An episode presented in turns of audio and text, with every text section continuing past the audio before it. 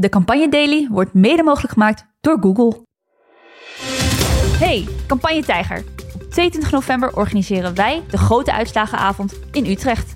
Met campagnegoeroes, politieke minicolleges, live duiding en muziek. Reserveer gratis je tickets via de website van Tivoli Vredenburg. Nog 26 dagen voor de Tweede Kamerverkiezingen. Het is vandaag vrijdag 27 oktober. Mijn naam is Pelle en leuk dat je weer luistert naar de campagne Daily. De reden dat ik wel in de politiek ben gaan werken is omdat ik geloof dat je daarmee heel veel mensen kan mobiliseren. Dat je hele nieuwe ideeën kan introduceren of normaliseren. Ja, welkom op deze vrijdag eh, aflevering eh, van de campagne Daily. Eh, ik zit hier met Bram Vesten. Bram, welkom. Yes, goedemiddag. Leuk dat je er bent. En we zitten hier samen met Ashley Chin. Ashley, je bent beleidsmedewerker bij de Tweede Kamerfractie van B1. Welkom. Thanks, leuk dat ik er ben. Heel leuk dat je wilde aanschuiven vandaag. Uh, ja, je bent er uh, in dat opzicht op een goed moment, want gisteren was de laatste Kamerdag uh, voor het verkiezingsreces. Tot in de late uurtjes werd in Den Haag gedebatteerd en daarna gestemd over moties. Volgens mij ging pas rond vier uur het licht uit daar gisteravond en is het verkiezingsreces vandaag officieel begonnen. Dus die vrijheid geeft je ook om hier aan te schuiven vandaag. Ja. Ehm, er was best wat commotie gisteren in de Kamer over ook de lengte van die laatste vergadering. Laten we heel veel luisteren naar Caroline van der Plas, lijsttrekker van de Boer-Burgerbeweging hoe bestuurbaar maken wij een land als wij hier na 14, 15 uur werkdag honderden moties gaan beoordelen en, en over gaan stemmen? En is het risico op fouten dan niet heel groot? Dat is gewoon een vraag die ik stel. En ja. wat ik heb gezegd, na de verkiezingen moeten we het hier misschien eens een keer over hebben. Op een normale manier, zonder dat iedereen meteen in zijn kuif gepikt is van, oh, dit gaat over mij. Het ja. gaat niet over personen, het gaat over de werkwijze van deze Kamer. Ja, een lange, lange avond in de, in de Tweede Kamer was. En het ja. was niet de enige lange avond. Nee. Uh, kan je ons misschien even meenemen, een beetje achter de schermen, hoe je als beleidsmedewerker zo'n laatste hectische week voor zo'n reces beleeft? Ja, absoluut. Um, je weet, het is voor elk, elk reces, uh, zeker voor de zomer- en de kerstrecessen, altijd zo druk. Dus als beleidsmedewerker, uh, wat ik doe, is voornamelijk het inhoudelijke werk van mijn Kamerlid voorbereiden. Dus dat betekent dat uh, voor elk debat waar we aan deelnemen, dat ik ervoor zorg dat ik uh, het dossier ken. Dat doe ik voornamelijk door met uh, ervaringsdeskundigen te spreken, mensen uit het maatschappelijk middenveld, um, NGO's, de grassroots, activisten zijn voor ons heel belangrijk.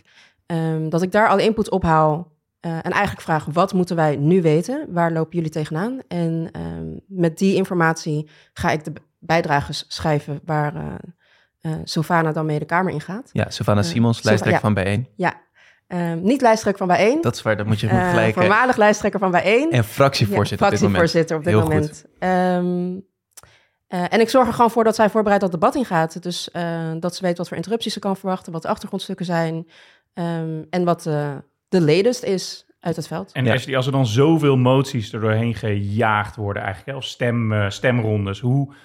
Hoe, hoe zorg je dan, want jullie, jullie hebben een kleine fractie, eigenlijk de kleinste fractie ja. zou je kunnen zeggen. Uh, hoe zorg je dat je met alles wel mee kan stemmen en dat je toch weet of je voor of tegen bent? Is dat niet een onwijze race tegen de klok? Het is een onwijze race tegen de klok. En um, wat, wat Caroline van der Plas hier doet, is natuurlijk... Uh, het is niet raar. En ze is ook niet de eerste die het zegt. Uh, Pieter Omtzigt, lijsttrekker van Nieuw Sociaal Contract, heeft in het verleden uh, ook al vaker aangekaart. Zeker als het aankomt op wetsvoorstellen. Uh, daar stemmen we na namelijk ook over om, uh, om half twee s'nachts. Um, het is eigenlijk bijna niet te doen. Dus wat er op zo'n laatste dag gebeurt, is dat je uh, honderden, nou niet honderden, maar ik chargeer honderden twee minuten debatten hebt. En dat zijn eigenlijk debatten waar je alleen maar moties kan indienen. Dus dan is het Kamerlid naar Kamerlid die de hele dag door. Um, dus dan is er een specifiek onderwerp en in ja. twee minuten gaan mensen op dat onderwerp dan uh, moties indienen. Ja. En over al die moties moet nog worden gestemd aan het einde van aan de het eind van de dag. Dus je hebt twee stemmingsrondes, één in de middag en één in de, in de nacht. Um, en wat je dus eigenlijk de hele dag aan het doen bent, is gewoon elke keer dat er zo'n twee minuten debat is geweest, dan komen die moties in de loop van de dag binnen. En daar moet je dan inderdaad uh, als een race tegen de klok een mening om formuleren. En vaak, zeker als kleine fractie, zijn het vaak dingen waar je nog helemaal niet over hebt nagedacht. Dus um, dat is een kwestie van uh, goed met elkaar blijven communiceren. Goed in contact zijn met je achterban. Uh, met de mensen uh, die je kent. en die wel oprecht het verstand ervan hebben om um, tot een uiteindelijke stemmingslijst te komen. en dat gaat Caroline heeft gelijk, dat leidt ook soms wel eens tot fouten. Ja. En, en is er een motie die jullie nu eh, misschien hebben eh, geholpen mee of ingediend waar jullie wel nog trots op zijn? Dat je zegt, hey, die hebben we nog wel uit het vuur gesleept eh, deze laatste dag? Mm, nee, gisteren hebben wij ge- hebben niet gestemd over moties die we zelf hebben ingediend. Ehm, we hebben woensdag wel gestemd over moties die we zelf hebben ingediend over eh, Israël en Palestina. Ehm, maar goed, wij staan daar eh, eigenlijk best wel eenzaam in, behalve dan nog met Denk in hoe we naar eh, de situatie kijken. Dus we hebben geen motie aangenomen gekregen. Eh, maar het is natuurlijk wel ehm, fijn om ook middels kamerstukken eh, de handelingen in te kunnen gaan om te laten zien. Er waren ook mensen in het parlement eh, die anders dachten. Duidelijk, ja. Ehm, en ook dat, niet zo spe- specifiek alleen in het ene punt, maar misschien is ook zo'n laatste dag in deze tijd extra hectisch. Het is de laatste dag voor een verkiezingsreces. Die moties eh, die geïndiend zijn gisteren, woensdag, kun je natuurlijk ook niet helemaal loszien van de campagne die inmiddels echt eh, is losgebarsten. Ehm, en in dat eh, licht eh, zijn we blij dat je er bent, eh, want we hebben het nog weinig gehad in deze podcast gehad over bijeen en de Ja. campagne die jullie voeren richting 22 november. Ehm, ja, na het opstarten van twee Amsterdamse leden van de gemeentefractie van Bijeen, liet partijleider Savannah Simons weten dat ze niet beschikbaar was als lijsttrekker voor de verkiezingen dit jaar. Eh, en daarmee was het eigenlijk een tijdje ook een beetje onzeker hè, of jullie überhaupt als partij mee zouden doen aan deze verkiezingen. Eh, nou, die knoop is op een gegeven moment doorgehakt, maar kan je ons een beetje meenemen in dat proces van A tot Z, eh, hoe, hoe dat besluit tot stand kwam? Ja, het is een, ehm, een hele emotionele zomer geweest, denk ik. Elke keer dat er natuurlijk mensen weggaan bij de partij, is dat heel pijnlijk. Ehm, dat voelen we allemaal, denk ik, ook heel persoonlijk. Het zijn natuurlijk ook kameraden, vrienden. Ehm, en toen Sylvana aankondigde eh, dat zij ervoor had gekozen om eh, zich niet verkiesbaar te stellen als lijsttrekker, ehm, is dat, jullie hebben het eerder ook al genoemd, ja, een enorme aderlating voor eh, de partij. Ja, want Sylvana Simons was natuurlijk echt ook het gezicht van, van jullie Absoluut. partij, hè? een soort van in Absoluut. meerdere opzichten. Zeker. Ehm, ik denk dat het, hoe ik het het beste kan beschrijven hoe de zomer was, was dat er gelijk al veel gemixte gevoelens waren. Dus ik persoonlijk zat bijvoorbeeld echt wel een beetje in een soort rouwproces. Ehm, en tegelijkertijd voelde ik om me heen eh, hoe strijdbaar bijeeners ook zijn. En eh, op het moment dat het moet, ehm, zijn ze allemaal ready om te gaan. En dat was ook wel echt een beetje hoe, hoe het ging. Dus eh, er werden gelijk al. Het was natuurlijk ook al. Het kabinet was drie weken daarvoor gevallen. Dus dat er een campagne aan zat komen, dat wisten we allemaal. Ehm, er waren al kleine dingen in kan en kruik gezet. Maar daarna werd de vraag: gaan we wel meedoen of niet? En eh, dat is in eerste instantie gepeld bij actieve kaderleden. Ja, dus Dus dan is het echt gewoon mensen bellen, mensen Ja. appen, misschien in zaaltjes met elkaar spreken. Wat, hoe denken jullie erover? Hoe staan jullie erin? Absoluut, ja. Ehm, en er zijn eh, verschillende bijeenkomsten geweest met actieve kaderleden. eh, om dan te, te kijken naar waar moeten wij als partij aan voldoen? Wat vinden wij belangrijk ehm, om een succesvolle campagne te voeren? En op basis daarvan en van dat, het sentiment dat daar aanwezig was, ehm, zeiden de actieve kaderleden: wij hebben de energie en wij willen dit. Ehm, uiteindelijk is het natuurlijk aan de leden op het congres. Ja, dus Eh, daar werd uiteindelijk de knoop doorgehakt. Oké, Ja. we gaan meedoen met deze verkiezingen. ja. Ehm, ja, dan sta je wel voor een moeilijke opgave als partij, toch Bram? Want eh, ze, ze doen mee, eh eh bijeen gaat ervoor. Maar zoals we zeiden, het is toch bijeen post Savannah Simons, zeker voor het bredere publiek, toch wel echt ook wel de partij. Lijkt me heel lastig om dan te strijden voor die ene kamerzetel die je hebt. Campagnematig ook. Zeker, en dat is natuurlijk als, als je als. eh, het is natuurlijk heel knap als je in de, in de Kamer komt al vanuit, vanuit niks. Hè? Ik bedoel, dat is echt. daar moet je enorm voor bouwen aan een beweging.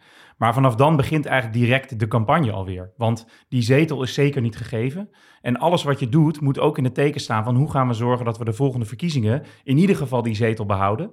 Want eh, we denken misschien wel nu in de peilingen, ja, het wordt 0 of 1. Nou, we zien het wel. Dat, dat is echt ja, om het, en dat chargeer ik niet leven en dood. Als, als het nul wordt, betekent dat dat er heel veel wegvalt voor zo'n partij. Alle structuren die, die er zijn met subsidies en noem maar op, die, die stoppen dan. Waardoor je eigenlijk eh, weer vanaf nul moet beginnen. Dus een zetel halen is heel belangrijk nu.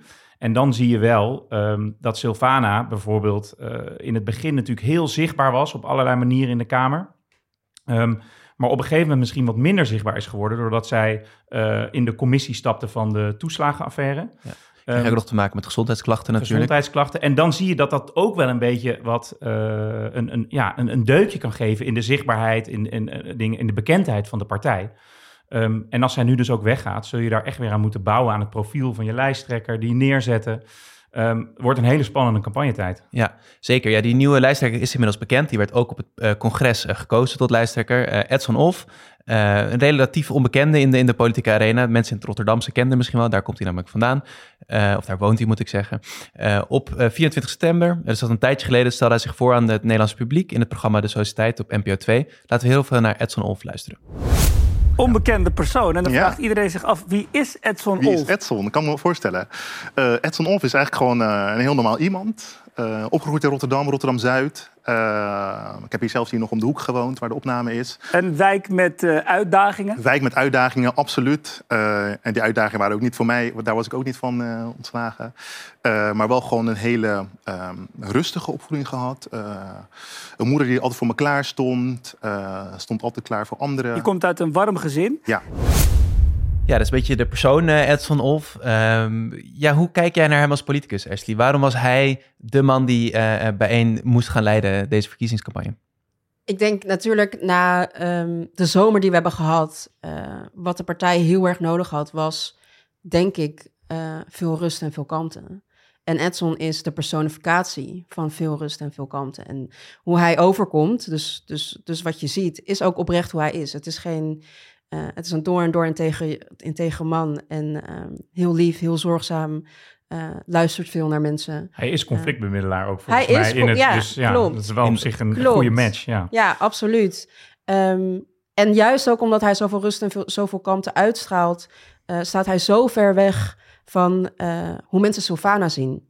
Um, en ik denk dat dat voor ons ook een, een, een, positieve, um, een positief ding is omdat je de twee eigenlijk niet kan vergelijken. Nee, dus het is echt een nieuw geluid het en een nieuw iemand die dat gaat doen. Ja. Uh, we hebben een eerste kennismaking gemaakt ook in het NRC afgelopen week. Uh, het was een lange interview uh, met hem, daarin zullen we in de show notes zetten. Wat viel jou op in dat interview, Bram? Um, ja, twee dingen. Misschien één ding is breder, dat gewoon hoe lastig het is om nu een nieuwe lijsttrekker te positioneren in eigenlijk de korte tijd die er nog is tot de verkiezingen.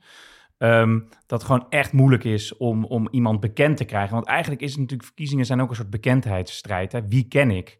Nou, dan had Sylvana Simons dat, dat natuurlijk heel erg mee. Die had al een mediaprofiel voordat ze de politiek Precies, inging. En Edson Olf moet, moet daar echt nu aan werken. Dus dat is echt, nou, wederom een race tegen de klok.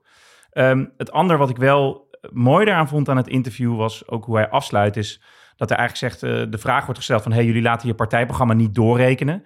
En hij zegt, ja, daar gaat het ons niet om. Wij, wij, wij zijn er niet om een partijprogramma te maken wat helemaal tot in de puntjes klopt en dat je het in één keer in de uitvoer kan stoppen. Wij agenderen zaken en we willen dingen bespreekbaar maken. En dat vinden we belangrijk. En dat sluit ook wel aan wat Ashley net in het begin zegt. Zo'n motie die het misschien niet haalt, maar we willen wel in ieder geval zorgen dat er geagendeerd wordt. En ik vind dat wel een interessante uh, strategie om te kiezen. Omdat jij zegt, jij stemt niet op ons voor het landsbestuur, maar gewoon om te zorgen dat bepaalde geluiden gehoord blijven worden. Ja, en niet alleen dat. Hè. Ik denk ook, um, je kan je afvragen wat, verschillende functies, wat, voor verschillende functies politieke partijen kunnen hebben. Ik ben zelf uh, niet gaan werken voor de Tweede Kamerfractie, omdat ik dacht, ja, maar wij gaan nu echt concreet heel veel dingen veranderen voor Nederland. Juist ook vanuit bijeen, omdat we geloven dat uh, die systemen, die zijn zo, zo zo alomvattend. Um, dat verander je niet met, met marginaal beleid. Um, maar de reden dat ik wel in de politiek ben gaan werken is omdat ik geloof dat je uh, daarmee heel veel mensen kan mobiliseren. Dat je uh, hele nieuwe ideeën kan introduceren of normaliseren. Als je kijkt naar wat de PVV op, op rechts heeft gedaan uh, in twintig jaar tijd, is dat ongelooflijk veel. Um, en ik denk dat links Nederland zo'n vergezicht heel goed kan gebruiken. En juist daarom is bijeen denk ik ook zo'n belangrijk geluid in de Tweede Kamer. Duidelijk. Ik denk op verschillende thema's. Uh, we hebben het hier al uitvoerig gehad over uh, de excuses die de Nederlandse ja. overheid maakte omtrent ja. het slavernijverleden. Is echt grotendeels ook uh, te danken aan de stip op de horizon die jullie daarop zetten. misschien even kort tot slot dan. wat kunnen we van, van, jullie verwachten deze campagne? Wat staat er op de planning? Ja, heel veel leuke acties. er staat nog heel veel in de stijgers. Dus ik, ik weet ook niet precies wat ik erover kan zeggen. Um, Wordt heel geheimzinnig gedaan opeens over alle spannende dingen ja, gaat doen deze spannende campagne. dingen, maar uh, we, hebben een, we hebben twee fantastische campagneleiders. We hebben een heel mooi campagneteam en natuurlijk uh, veel vrijwilligers. Bij draait altijd veel op vrijwilligers. Um, en iedereen, van wat ik ervan zie, echt mooie energie en uh, heel erg ook weer vanuit de grassroots. Veel samenwerking met activisten. Dus veel de straat op. veel de straat op, ja. ja. Nou, hou ze in de gaten op Ja. de straat. Ja. Ehm, we hadden het net al even over de lastigheid om een nieuwe lijsttrekker te positioneren. Eh, eh, iemand die ook een bepaald opzicht moet breken met het verleden. Of in ieder geval de bladzij omslaat ten opzichte van het verleden. Iemand die dat ook moet doen is uh, Mirjam Bikker van de ChristenUnie. We vroegen ons eerder in deze podcast deze week af eh, waar ze nou was. Was een beetje stilletjes, in ieder geval in ons perspectief deze campagne. Eh, ze zat eerder op één, maar vandaag eh, verscheen ook een interview met haar in de eh, Volkskrant. In hun reeks met lijsttrekkers. Um, ja, veel dingen te bespreken. Maar het eerste wat mij opviel was um, dat ze op, in een antwoord op een van de eerste vragen zei: Ja, het is eerlijk best confronterend hoe Nederland er op dit moment voor staat. En dat is toch lastig om te horen van iemand die afgelopen uh, zes jaar aan de knoppen zat. Uh, moeilijke positie lijkt me niet alleen voor haar in het interview, maar ook voor de ChristenUnie als partij op dit moment. Hoe heb jij dat interview gelezen, Bram? Ja, zeker zo. Alsof er bij Mirjam twee uh, hele grote stenen op haar bagagedrager lagen. En die ene was uh, het kabinet uh, Rutte 3 en 4, waar zij zelf aan mee hebben gewerkt en eigenlijk waar heel veel kritiek op is. En die tweede is uh, Gert-Jan Segers. Nou, daar zullen we misschien straks nog wel over te, te spreken komen. Um, waardoor zij echt tegengehouden wordt in haar boodschap. En wat ik dan heel interessant vind, nou, interessant is misschien niet het woord, eigenlijk een beetje een zwaktebod, is dat je zegt, ja, als we dan kritiek krijgen op de, op de regeringen waar wij aan hebben deelgenomen, nee, dan leggen we de schuld vooral bij de regeringen daarvoor, want die hebben het zo in de soep gedraaid dat wij alles hebben geprobeerd om het te repareren, maar het is niet gelukt. En ja, dan denk ik, waar blijft de visie vooruit? Nou, daar heb ik dan ook uh, wat dingen over gelezen. En daaruit blijkt toch ook wel dat ChristenUnie niet echt positie kiest. Vooral zich aansluit bij andere partijen. Hier op kantoor werd al gezegd, nou, dit is de beste woordvoerder die uh, Pieter Omtzigt zich kan wensen. Want alle punten, bestaanszekerheid, het herziening van het belastingstelsel worden genoemd. Ehm, maar als je maar één ding zou moeten noemen van waar onderscheidt de ChristenUnie zich nou op? Ja, bij mij blijft het heel erg stil. Ja, misschien ook wel een beetje die ja, toch die scharnierfunctie die de ChristenUnie toch een beetje in de Nederlandse politiek de laatste jaren doet. Ze kleuren een beetje mee met links, kunnen een beetje met rechts meekleren, hebben een conservatief-christelijke inslag. Kan een beetje alle kanten op. Dat noemt ze ook. Hè. We hebben in een centrum-links kabinet gezeten, een Balken en de vier. En nu meer centrum-rechtse uh, kabinetten met uh, Rutte. Uh, jij hebt afgelopen jaren in de Kamer rondgelopen, Ashley. Jij ziet ook de ChristenUnie aan het werk en op verschillende thema's, verschillende posities kijken. Hoe kijk jij een beetje naar toch een beetje de chameleon-achtige vibes die de ChristenUnie op verschillende thema's kan hebben? Ja, het was uh, ChristenUnie als coalitiepartij.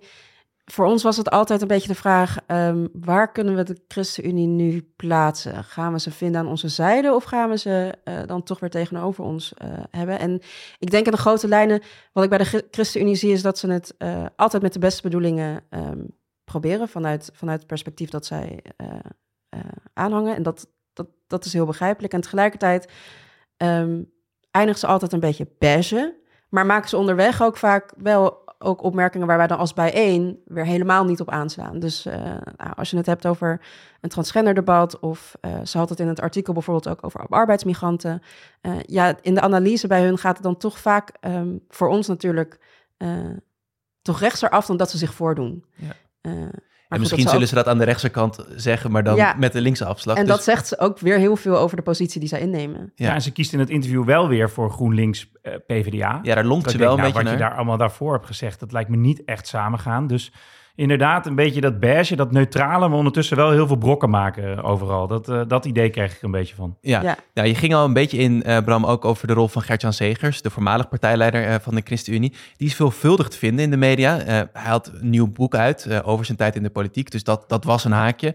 Maar inmiddels schrijft hij ook veel aan als duider rondom de oorlog in Israël en Palestina. Schijnt ook een podcast te maken. Hij schijnt ook een podcast te ook maken. nog. Ja, samen met Klaas Dijkhoff. Iedereen maakt tegenwoordig een podcast. Ja man, waar zijn we mee bezig hier? Maar ik was wel benieuwd, is dat nou een beetje in uh, ChristenUnie-termen te blijven. Is dat nou een vloek of een zegen? Zo'n partijleider, zo'n prominent die zo aanwezig is in de campagne. Ja, ik, ik zou zelf zeggen dat het een vloek is. Uh, om, uh, om, om het dan maar meteen te zeggen. Kijk, we hadden het net al over de rol van Sylvana Simons. Hè, die, die een stapje, stapje terugzet. En eigenlijk is dat ook goed om een nieuwe lijsttrekker de, de mogelijkheid te geven om een eigen profiel op te bouwen. En niet te hoeven dealen met een soort legacy die er nog hangt van wat, wat de voorganger nog zo nu dan in de media roept. En Gert-Jan Segers heeft die memo duidelijk niet gehad, want die laat heel veel van zich horen.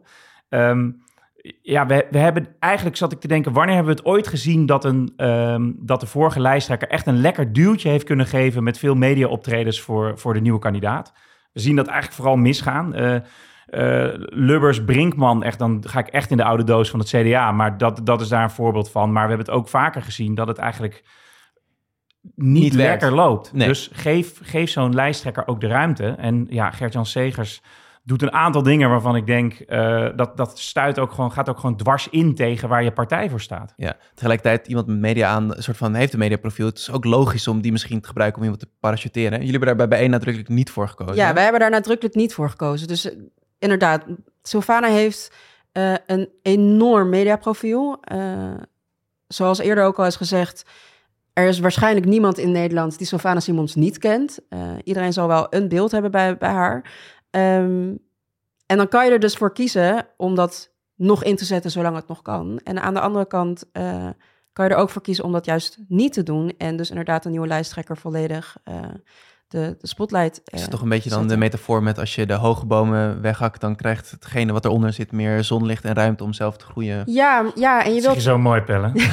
zo metafoor, een prachtig metafoor. Maar ja, je wilt natuurlijk ook niet ehm, dat, de scha- dat, dat iemand dan in de schaduw van Sylvana eh, dit werk weer moet oppakken. Ehm, Ja, dus het allerergste wat je wil is dat je moet reageren op iets wat je eh, voorgaande lijsttrekker of Exact. fractievoorzitter in de media gezegd heeft. Van, Ja. Maar wat vind je hier eigenlijk van? Dat is precies Exact. wat in dat interview gebeurt van Mirjam Bikker. Van ja, eh Segers werkt nu als lobbyist voor Otto Workforce. Een, een, een organisatie die arbeidsmigranten naar Nederland haalt of huisvest. een van de grootste, hè? Een van de grootste Dat is natuurlijk verschrikkelijk. Want opeens ben je over iets aan het praten waar je helemaal niet, Niet over wil hebben. niet over wil hebben. En dan moet je daarop reageren. Ik denk Ja. Dat Henry Bontebal, hebben we al vaker gezegd, heel blij is dat, dat Wopke Hoekstra lekker in Brussel zit. Daar heb je echt gewoon geen last meer van. Nee. Dus het liefst heb je gewoon je oud-lijsttrekkers of oud-partijbazen gewoon lekker klappend op de eerste rij, duimen omhoog Exact. en eh, ga, ga, ga zo door. Ja. Ja. En achter de schermen is er natuurlijk veel ruimte voor eh, gesprek en begeleiding en coaching en eh, wijsheden die gedeeld kunnen worden of eh, waar je op kan terugvallen als, als het even eh, heel flink tegenzit. Ehm, maar ja, op de voorgrond moet je dat volgens mij helemaal niet willen. Dat Nee. gaat helemaal niet goed. Duidelijk. Nou, interessant interview in ieder geval. Eh, lees het vooral terug, zet het in de show notes. Eh zit genoeg in om eh, over na te spreken. Ja. Ehm, dan tot slot. Eh, ik wil het nog even kort met jullie hebben over slogans. Eh, Ja, ik heb nog een heel college voorbereid. eh, Ja, gaan we we, gaan dat nog redden in de tijd? Nee, we gaan een verkorte versie van jouw college doen. Ehm, het is toch even leuk om aan te stippen. Partijen komen nu met slogans, partijprogramma's gaan dingen plaatsen op social media, posters, flyers. Dus daar zit wel ook een beetje een gedachte achter wat je nou wel of niet als slogan gebruikt. Bram, jij bent daar ingedoken, hè? Ja, ik heb wel even gekeken hier met Wouter samen naar, eh, nou, wat ligt er nou allemaal aan slogans? En ook, eh, ja, wat, wat kun je daar nou van leren? Nou, allereerst, zo'n slogan, is dat nou belangrijk? Ja, toch wel. Eh, we hebben al eerder gezegd, niemand gaat al die verkiezingsprogramma's lezen. Eh, de kracht van de herhaling is belangrijk. Dus je wil, je wil een soort zin hebben die resoneert, die in één, in één oogopslag duidelijk maakt waar een partij voor staat, die je zo vaak mogelijk kan herhalen. Ehm, en dan zie je eigenlijk dat eh, er verschillende smaken zijn in die slogans. Eh, vaak zie je dat de zittende partijen, dus die nu regeren, kiezen voor een slogan waarin ze eigenlijk zeggen van eh, laat ons verder gaan met ons werk. Hè. Eh, bekend, ik hou weer het CDA erbij, maar laat Lubbers zijn karwei afmaken is daar een hele bekende van. Nu doorpakken. CDA heeft er blijkbaar wel een, een handje van. Die is dan, die laatste was van, eh, van Wopke Hoekstra, vorige verkiezingen. Ehm, maar nu zie je dat toch wat minder terug in die slogans. Want eigenlijk eh, lijkt het wel alsof het, eh, de coalitie niet zo lekker met, elkaar meer ligt. En allemaal nieuwe lijsttrekkers. Dus je wil jezelf toch nieuw positioneren. Ehm, en daar zie je eigenlijk dan twee smaken in. Ofwel een, eh, een, een frame eigenlijk van vroeger was alles beter. Hè? Het idee van ja, we zijn iets kwijtgeraakt. Het beste voorbeeld is eigenlijk wel Make America Great Again van Donald Trump Mhm. omdat dat woordje again heel erg aangeeft van ja, we waren ooit groot, maar we zijn het verloren, dus we moeten het weer terugkrijgen. En ook vanuit de gedragstheorie is duidelijk dat dat mensen ook wel, eh, mensen zijn, houden er niet van om iets te verliezen. Dus dat, dat brengt mensen in beweging. En de tweede smaak is in de toekomst wordt alles beter. En dat is een meer progressieve invulling misschien. Ehm, waarbij je woorden als toekomst, hoopvol, nieuw ziet. Eh, voorbeeld is PvdA GroenLinks. Samen voor een hoopvolle toekomst.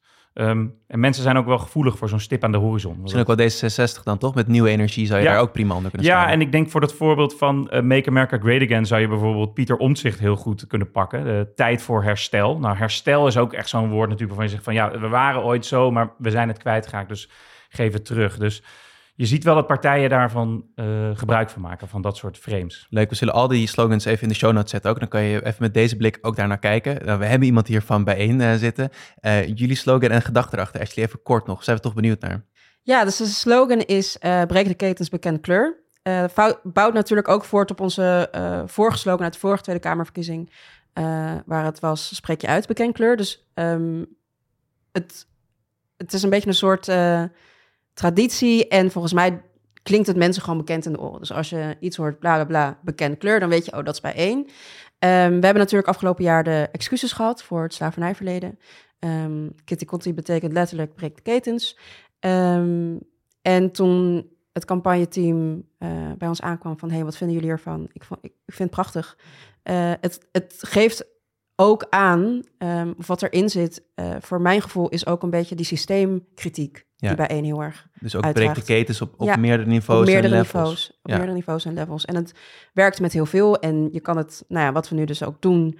Uh, op zoveel verschillende manieren inzetten. Dus breek met politiegeweld, breek met uh, het kraakverbod, et cetera, et cetera. Ja, en dat, ik vind dat toch knap wat bijeen daarmee doet. Want uh, het is inderdaad multi-inzetbaar. Dus je kan het op allerlei onderwerpen doen. Het is onderscheidend. Hè? Uh, het breken met iets. Dus ja, het valt op.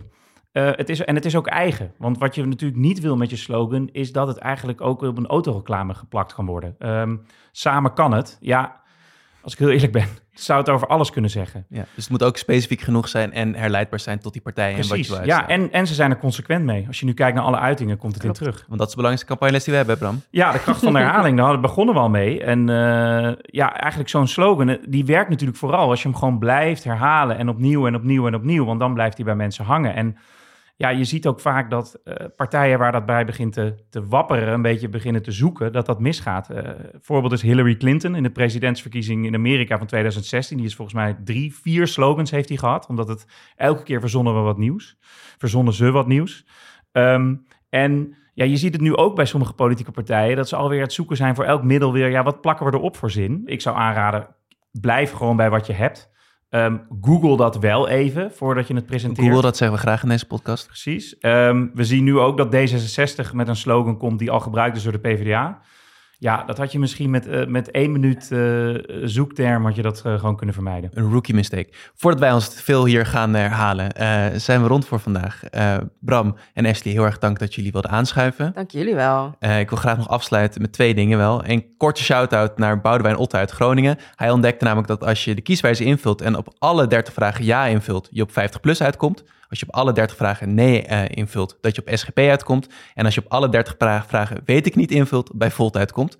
ik weet niet wat jullie met deze informatie moeten, maar ik vond het wel hele fijne en leuke informatie om te delen.